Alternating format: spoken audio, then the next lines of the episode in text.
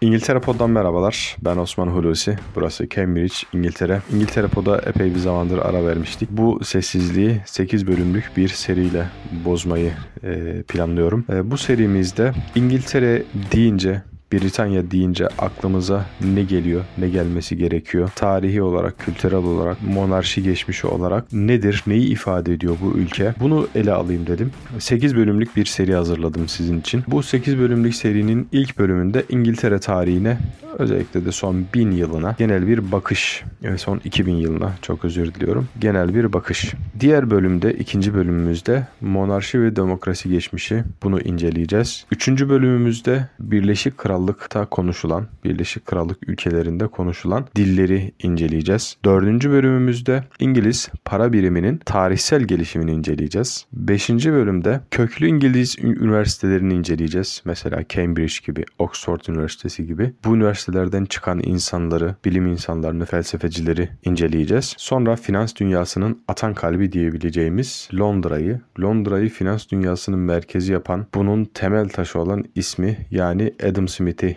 inceleyeceğiz. İktisatın babası olarak bilinir Adam Smith. Sonra Kraliçe Elizabeth'in jübile dönemlerini inceleyeceğiz. Her jübilede neler yaşamış, o jübile döneminde dünyanın önde gelen ülkelerinde hangi liderler iktidardaymış bunları inceleyeceğiz. Bir de tabii Kraliçe Elizabeth'in jübilesi ne demek onu da tabii inceleyeceğiz. Son bölümümüzde de yani 8. bölümde de İngiliz tarımını inceleyeceğiz. İngiltere topraklarında, Britanya topraklarında ne tarımı üretimi yapılır, ne tür ürünler yetiştirilir bunları inceleyeceğiz. Şimdi birinci bölüme başlayalım. Birinci bölüm İngiltere yani Britanya tarihi genel olarak böyle en kısa ve özet haliyle anlatılabilecek tarzda anlatmaya çalışacağım. Aldığım notlar var. Onlardan da faydalanacağım. Öncelikle tarih öncesi dönem. Tarih öncesi dediğimiz dönem yazının icadından önce insanoğlunun yaşadığı varsayılan dönem. Tarihin dönemlerinden sadece biri olsa da aslında en uzunu kabul edilen bir dönem. Britanya toprakları özelinde baktığımızda bu topraklara ilk insanların yaklaşık 900 bin yıl önce ayak bastıkları varsayılıyor. Milattan sonra 43 yılında gerçekleşen Roma istilasına kadar geçen dönemi ortaya çıkarmak için yapılan kazılarda gösterilmiştir ki yüz binlerce yıl öncesinde burada insanlar vardı ve bu topraklarda büyük iklimsel, sosyal, siyasal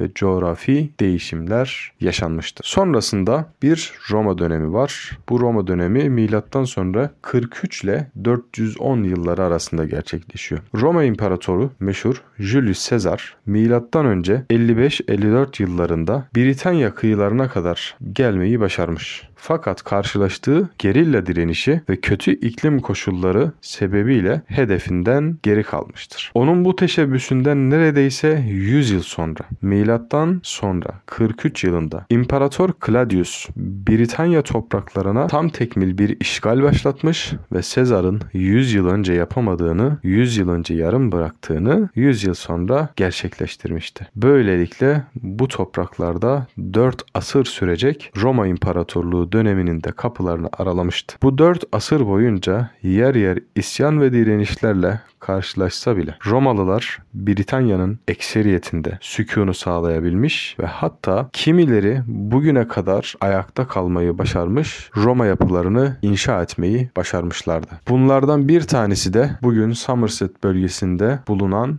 Bath şehrindeki Roma hamamlarıdır. Zaten şehir de ismini bu hamamlardan almış. Geliyoruz 410-1066 yani bu yıllar arasındaki çağ ilk çağ olarak adlandırabileceğimiz dönem. Roma yönetimi ve Norman işgali altında geçen bu hemen hemen 6,5 asırlık dönem İngiltere tarihinin en önemli dönemlerinden biri olarak kabul edilir. Bu dönem anlaşılması bakımından da en zorlayıcı dönemlerden kabul ediliyor ki bu yüzden karanlık çağlar olarak adlandırılmış. Yine de İngiltere Krallığı, İngiliz kimliği ve bir dil olarak İngilizce bu dönemde ortaya çıkmıştır. 1066-1485 Orta Çağ. 1066 yılında Normandiya Dükü William Hastings Savaşı'nda Kral Harold'u yenerek tahtı ele geçirdi. Ve böylelikle İngiltere'deki Sakson Krallığı son bulup yerine Norman iktidarı geldi. Normanlar dil, kültür ve iktidar hususunda oldukça organizeydiler. Bunu bugüne bıraktıkları eserlerden çok kolaylıkla çıkarabiliriz. Ancak bu devir diğer taraftan da kıtlık, veba salgını, iç karışıklıklar ve isyanlara hatta kraliyet ailesinin içerisindeki başkaldırılara da şahitlik etmiştir. Geçiyoruz 1485-1603 yıllar arasındaki döneme yani Tudor Hanedanı dönemine. Bosworth Muharebesi'nde 7.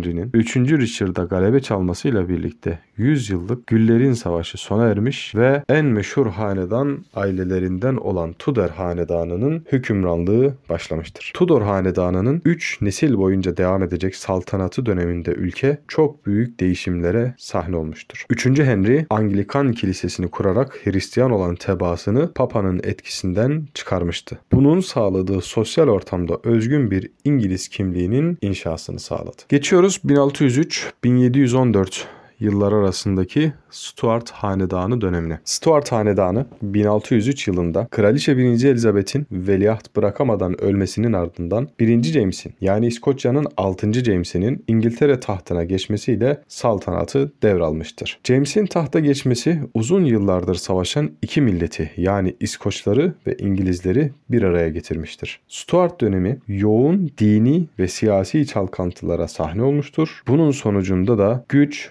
monarklardan parlamentoya geçmiştir. Teknolojik buluşlar, coğrafi keşifler, inovasyonla birlikte mimari ve sosyal hayatın da belirgin şekilde değiştiği bir dönemdir bu dönem. Sonrasında Georgian dönemi geliyor. 1713-1837 yıllar arasında sürmüş bu dönem. Kraliçe Anne 1714 yılında öldüğünde çocuklarından hiçbiri hayatta değildi. Bu yüzden Alman Hanover hanedanı tahtı devralmak üzere İngiltere'ye getirildi. Bu dönem Georgian dönemi yani George'lar dönemi olarak bilinir. Sebebi de bu dönemde tahta çıkan bütün kralların ismi George olarak belirlenmişti. Bu dönemde Britanya'nın uluslararası bir güç olarak dünya sahnesine çıkmasına şahit olduğumuz bir dönemdir. 1770'teki değişimi yani sanayi devrimini hızlandırıp imparatorluğunu genişleten Britanya dünyanın endüstrileşmiş ilk ulusu olmayı başarmıştı. Geliyoruz